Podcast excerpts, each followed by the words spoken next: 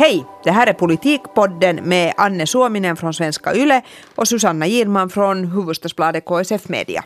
Finland bolagiseras i rasande takt. Vi undrar hur det ska gå med insynen och demokratin. Arbetskraftsbyråerna i blåsten när Jari Lindström tar ut svängarna med de arbetslösa. Och hur ska det nu gå för Alexander Stubb, hörni?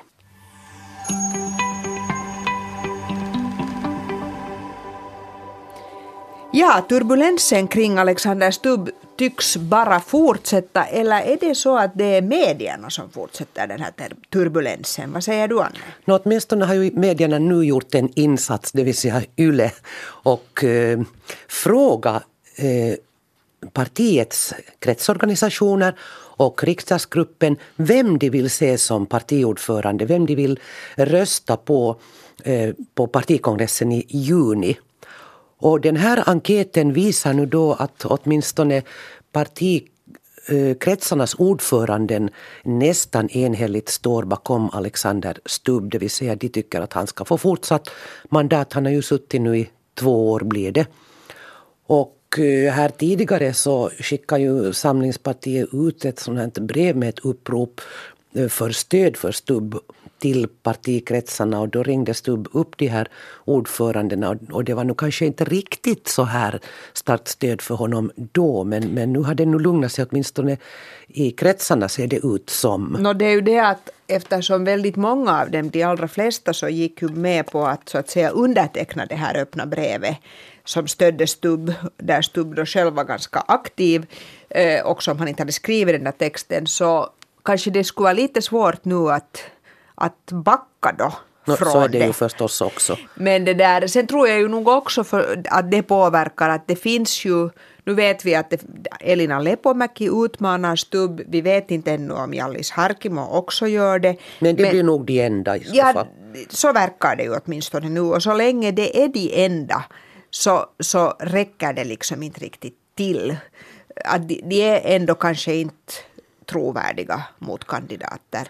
Men jag har en sån där uh, uppfattning om ändå varför, man är i, varför så många i riksdagsgruppen tycks vara kritiska Ja, där var det alltså ja, den här enkäten precis. så visade att Sju eh, ledamöter stöder Stubb, fyra Jan Vapavuori fyra Petteri Orpo, två Elina Lepomäki och en Harri Harkimo. Men hela 14 ville inte svara överhuvudtaget och fem eh, var onåbara så att säga. Precis, så att det var faktiskt väldigt många som inte svarade.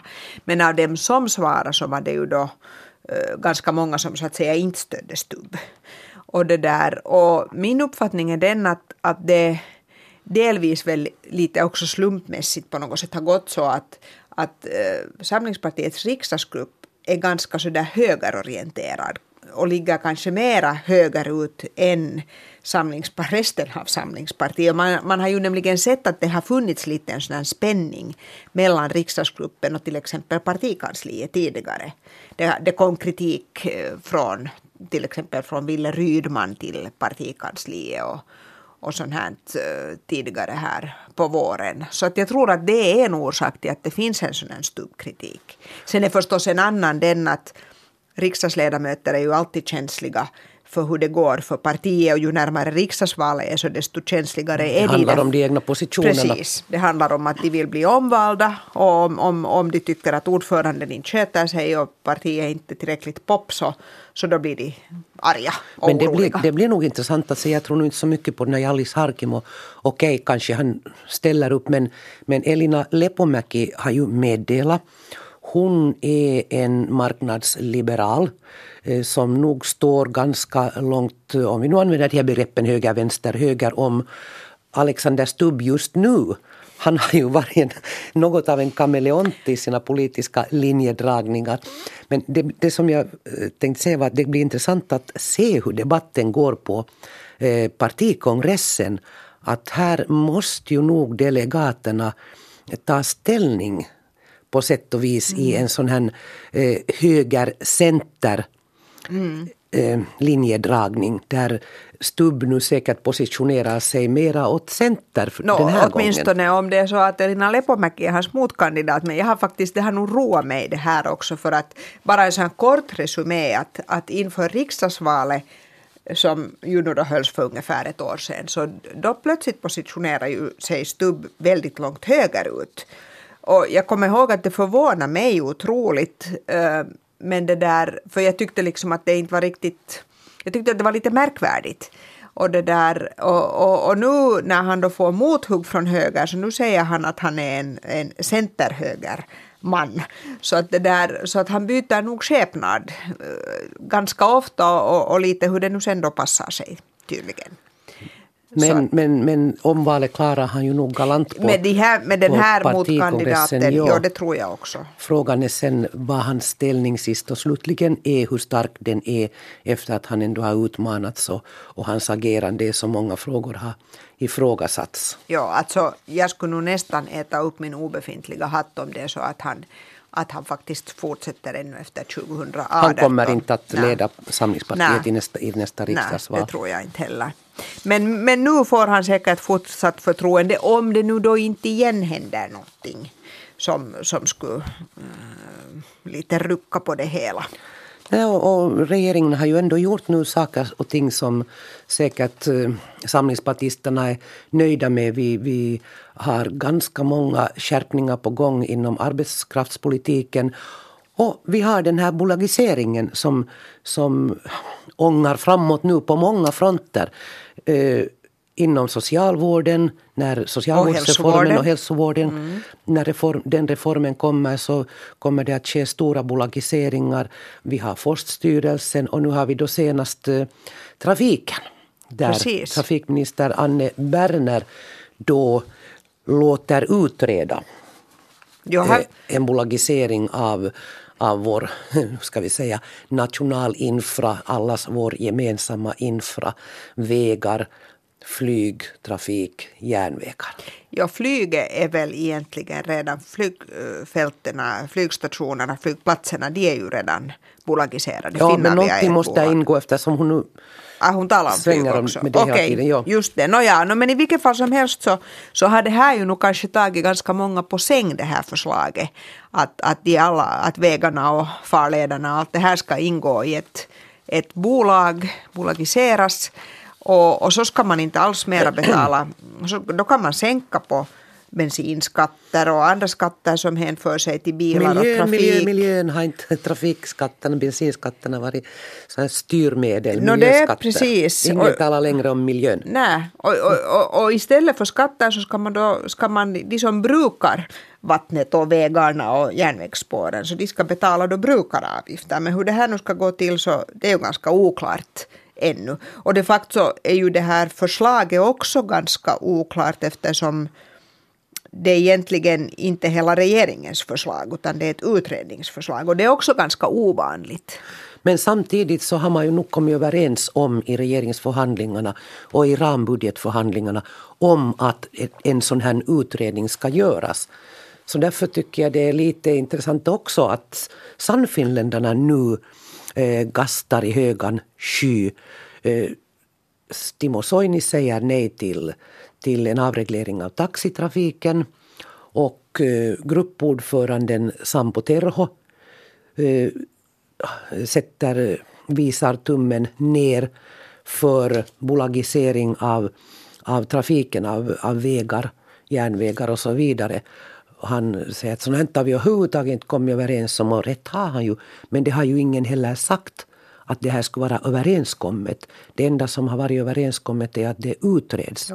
Men med buller och bång går ju Anne Berner ut och håller presskonferens om det här samma dag som Jari Lindström håller presskonferens om skärpningar i arbetslöshetsstödet. Att jag vet inte vem som... No, konspiratoriska jag ser igen några planer där bakom att kanske man ville ta uppmärksamhet från från Jari Lindströms eh, förslag som drabbar faktiskt väldigt konkret arbetslösa. Det här med att ha två presskonferenser samtidigt, det är ju lite, lite oplanerat det var, verkar det ju faktiskt. No, jo, sen var det ännu en tredje som jag var på som handlade, men det var sådär mera allmän och bakgrund som handlade om de här reformerna som Anu Vehviläinen höll. Men det där, och där kom det nog inte fram så mycket nytt.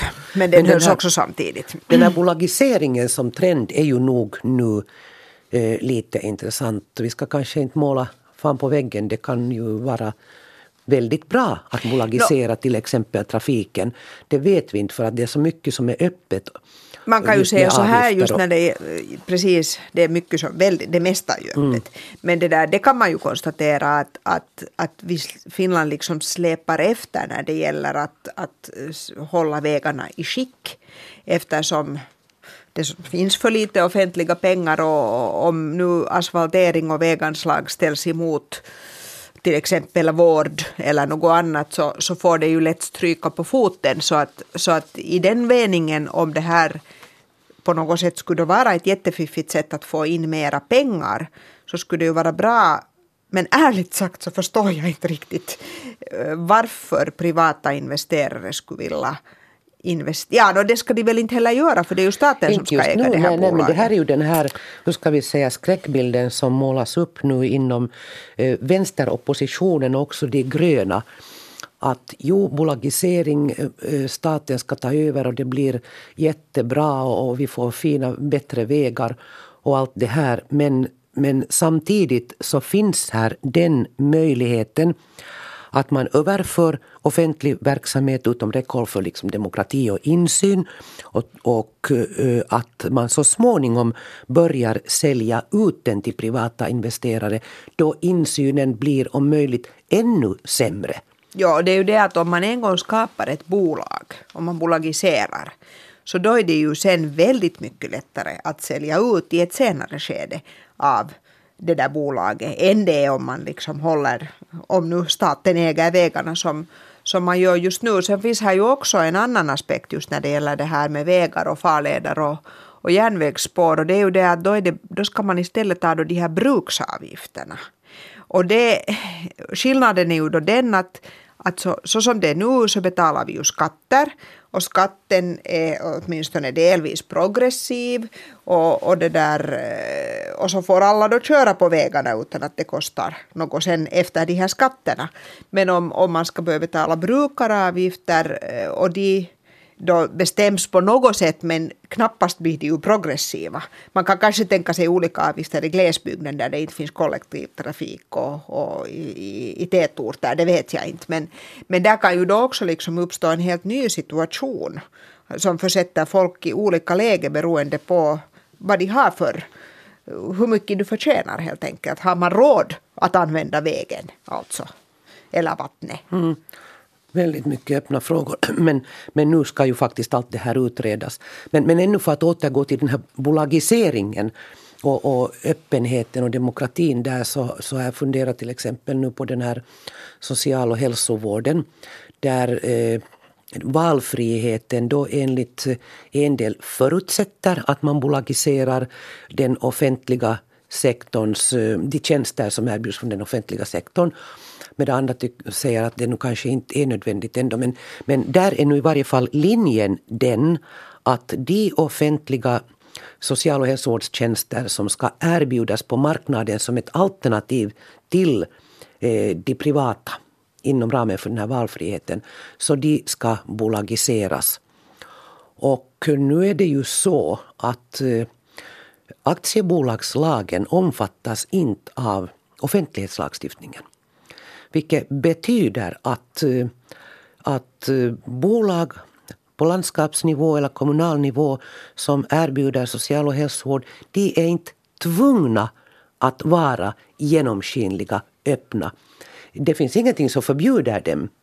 Men, men vi har ju sett exempel på andra håll inom offentliga sektorn, inom kommunerna till exempel med, med elverk, vattenverk och så vidare, hamnar. Västmetron. Västmetron, där man absolut inte har velat ge någon insyn. Det har varit svårt att få ut dokument, vilket man får inom ramen för till exempel från affärsverk utgående från offentlighetslagen. Precis, och det här, för oss det tycker jag man kan säga att det är en sån ganska allmän journalisterfarenhet att, att det är oftast svårt om, om, om öppenhet inte liksom är påtvingad och till och med fast den är påtvingad ibland så kan det vara svårt att få ut sån information som man som journalist eller medborgare har rätt att få. Så då när det där tvånget inte finns där så kommer det nog enligt samlad journalisterfarenhet att vara ännu svårare. Och det där blir ganska, det där är ett problem. Och det här alltså. borde ju rättas till redan nu på något sätt innan den här bolagiseringen inom social och hälsovården faktiskt börjar ta form. Eh, då när regeringen, den förra regeringen gav en demokratiredogörelse till riksdagen så hölls en så offentlig utfrågning kring den. Och då eh, fäste till exempel Samlingspartiets tankesmedja eh, uppmärksamhet vid att eh, den här demokratiredogörelsen, eh, hur ska vi säga, det, det, det liksom problematiserar överhuvudtaget inte den här frågan. Att den borde förtjäna, få uppmärksamhet nu. Och eh, professorn i offentlig rätt Olli Mäenpää har varit ute flera gånger. Han var redan då också ute i samma ärende och eh, ansåg att vi borde gå in för samma system som som Sverige har, att eh, där utgår man från att också bolag som erbjuder offentliga tjänster att de omfattas av offentlighetslagstiftningen. Men det, just på tal om Sverige så jag måste nu ännu tjata om det här att är det faktiskt nu finns det ett krav på att bolagisera då de här offentliga eh, tjänsterna och servicen inom vården. För att i Sverige har de ju haft det här fria vårdvalet då länge och väl och det anförs ju som ett exempel för Finland. Men inte, inte de offentliga tjänsterna och service, vårdservicen där bolagiserad. Utan nu är, det, nu är de offentligt ägda så vitt jag vet. Men det där, här finns nog mycket som också är öppet. Ja, jag eh, stötte på här en artikel av eh, forskardoktorn Hanna Kuusela från Tammerfors universitet som helt entydigt säger att, eh, att bolagiseringen måste ske då när kommunen erbjuder vilken som helst service på den fria marknaden som alltså konkurrerar då med med privata serviceproducenter. Men jag undrar bara att om det, om det gäller då när det handlar om upphandling. För att nu när det gäller den här vården och det är den enskilda personen som ska välja så är det ju inte riktigt samma sak mm. som upphandling. Men det här vet vi inte så att vi ska mm. nog kanske inte. Mm. Men, men i alla fall så om allt det här förverkligas med alla de här bolagiseringarna dit man då överför offentlig egendom eller offentliga tjänster och serviceproduktion så, så blir det ju en helt annan situation än vi idag är vana vid. Och, och redan nu börjar det komma, eller det har nu kommit hela tiden ganska mycket frågor kring det här. Att vad allt ska då eh, ska då ingå i den här valfriheten. Att nu såg jag att eh, Finlandssvenska pensionärsförbund eh, plötsligt har, har har rutit till om äldreomsorgen och hemvården.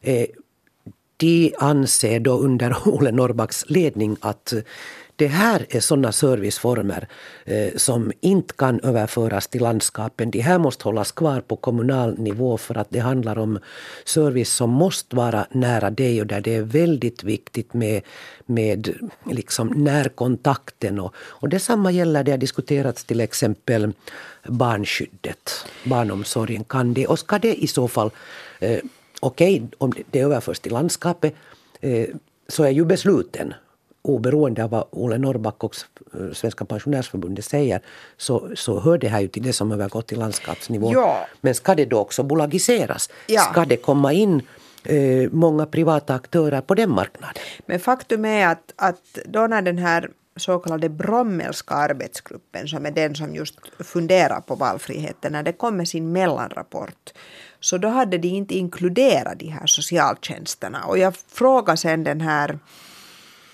Eh, ja jag tror att hon heter Aulikki Kananoja, nu kan det hända att jag säger fel, som sitter med i den här gruppen och är expert uttryckligen på socialvård. Hon har jobbat tidigare i Helsingfors.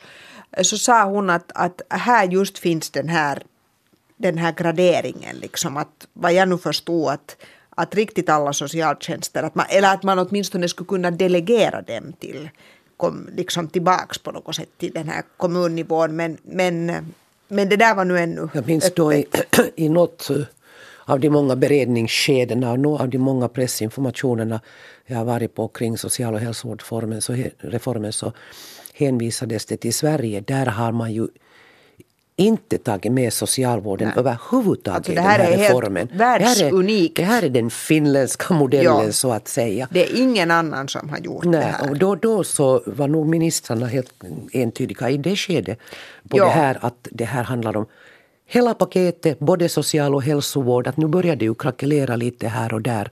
Så ja. att eh, vi får nu se var det landar. Ja. Att remissrundan kommer ju nog att eh, ge en hel del sen när den här lagen äntligen kommer till riksdagen ja, senare i år. Ja, precis. Nej, här finns mycket att, faktiskt mycket att fundera på. Men hör du, bolagisering har vi någon bolagisering inom arbetslivet på gång? Det har jag inte stött på ändå. Där ja, du bara... menar arbetskrafts... Ja, arbetskraftssektorn. Där har vi bara Jari Lindströms eh, många reformer och lite som jag ser det som luftballonger. Ja, no, det, alltså delvis finns det väl det där att man ska börja anlita privata företag för arbetsförmedling. No, det har ju faktiskt ja. förekommit nu i experimentsyfte. Att bakgrunden här är ju, det här Jari Lindströms, en del av hans förslag ställer till det också, bakgrunden är ju att, att arbetskraftsservicen, den offentliga arbetsförmedlingen, så så har tappat väldigt mycket resurser under senare år. Man har skurit ner där helt enkelt. Vi hade ett inslag i Aktuellt 17 eh, häromdagen eh, med en intervju eh, med, hon hette Helvi Rimäki som jobbar på Arbetsförmedlingen i Österbotten. Och hon sa att de har tappat 18 procent under de senaste åren av sin personal och att de, de, alltså de jobbar alldeles vid bristningsgränsen. Och de kan klara av reformer som det här att eh, arbetslöshetsbidragen nu kan omvandlas till till startpeng och till lönesubvention. Det kan de klara av. Men sen finns det vissa andra där de inte vet hur de ska fixa till det. Det här är ju alltså jätteintressant med tanke på att arbetslösheten dels växer. Eh, man vill absolut komma åt den och man kräver liksom en, en större insats av de här byråerna samtidigt som de arbetslösa så att säga ska aktiveras. Så det här verkar ju inte riktigt gå ihop. För övrigt det här ordet aktivera, eh, när du säger det så, så läste jag eh, någonstans på nätet någon som var ganska upprörd för att man talar om aktivering av arbetslösa. Att det, det får ju det att låta som om de arbetslösa per definition på något sätt är slöa till sin läggning. Sant. Sant. No, men det var ett sidospår här. Ja. Men, men eh, du var inne här lite på det här med privata också privata aktörer mm. inom Arbetsförmedlingen för att få fason på det här problemet med resurser. Nu eh, genomfördes i fjol ett experiment med privata arbetsförmedlare i, i Nyland och i Tavastland, var det, är det det som heter? Det, Bir, Birkaland. Birkaland. Birkaland heter det på svenska. Ja. Och eh, vad jag förstått så gav det ganska goda resultat. Och jag, min Tollo, utan att kolla desto närmare, eh, sa själv i Aktuellt 17 häromdagen att eh, det här är någonting som jag inte har stött på nu för i år att regeringen skulle kunna tänka på att fortsätta med den typen av verksamhet. Nå, nu när jag faktiskt har kollat lite budgetar. Och så, så såg jag, eller hittade jag anslag för den här verksamheten i årets budget. Det vill säga privata förmedlare har ett anslag på fem miljoner. Och sen finns det någonting som på finska heter työn etsintä palkkio, det vill säga eh, privata aktörer kan eh, leta fram jobb, erbjuda dem åt en arbetslös. Och om, om det går ihop det här, om det skapar om det lyckas, en, om det lyckas så, så då får den här som har letat fram jobbet också ett arvode och det finns reserverat pengar för det också i statsbudgeten. Mm. Så någonting händer det no. på den fronten. Men no, fem miljoner är ju nog väldigt lite no, det är väldigt säga, lite i statliga pengar. sammanhang. Och det som jag då inte hittar uppgifter om är om det här nu då fortfarande ska fortsätta som ett begränsat experiment eller om det finns några tankar om att utvidga det. Men det här handlar ju om en ganska enkel bit av arbetsförmedlingen som de här privata då tar hand om. Allt det här med att göra planer för de arbetslösa, hålla kontakt med dem hela tiden eh, och, och, och det här försöka skräddarsy skolning och skräddarsy också arbetsplatser. Det handlar ju om att de här måste möta varandra, mm. de öppna arbetsplatserna och de arbetslösa.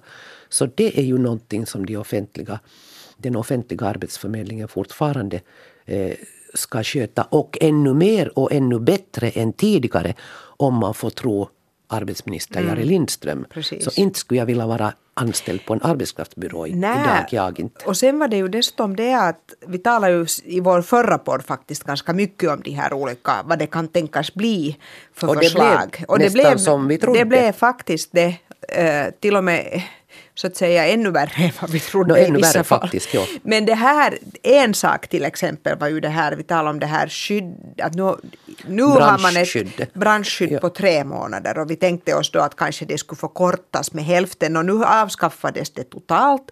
Men samtidigt så säger man att inte det är nu meningen att ingenjörer ska behöva börja städa. Utan Eller man ska docenter, ha uppsagda docenter från Helsingfors Precis, universitet. utan att man ska nu ha en individuell prövning. Men det här är ju, det bäddar ju alltså för problem och godtycke, godtycke. och mm. olika tolkningar. Och vem får då dispens ja. och vem får inte? Ja, precis.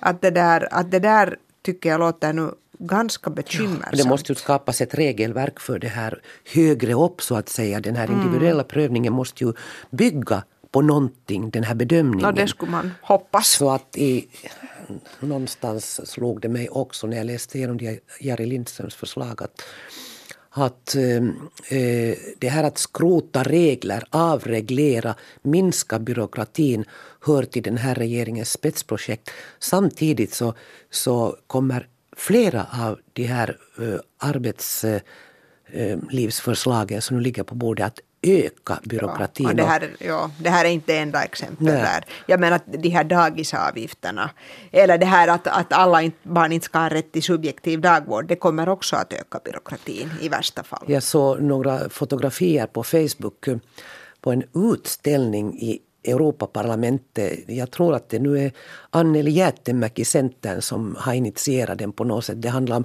om byksträck där det hänger en massa, massa, massa lappar. Och det är ett konstverk det här då som beskriver byråkratin i Finland och avregleringen. Så från de här byksträcken kan man då sen, om jag förstod det rätt, gå och plocka ner lappar. som kanske kanske hon, om hon nu inte redan har gjort det, skulle kunna hänga upp någon byråkrati och regelverkslapp också från det här sysselsättnings arbetslöshetspaketet som ligger på bordet här hemma. Just det. Nåja, men det där...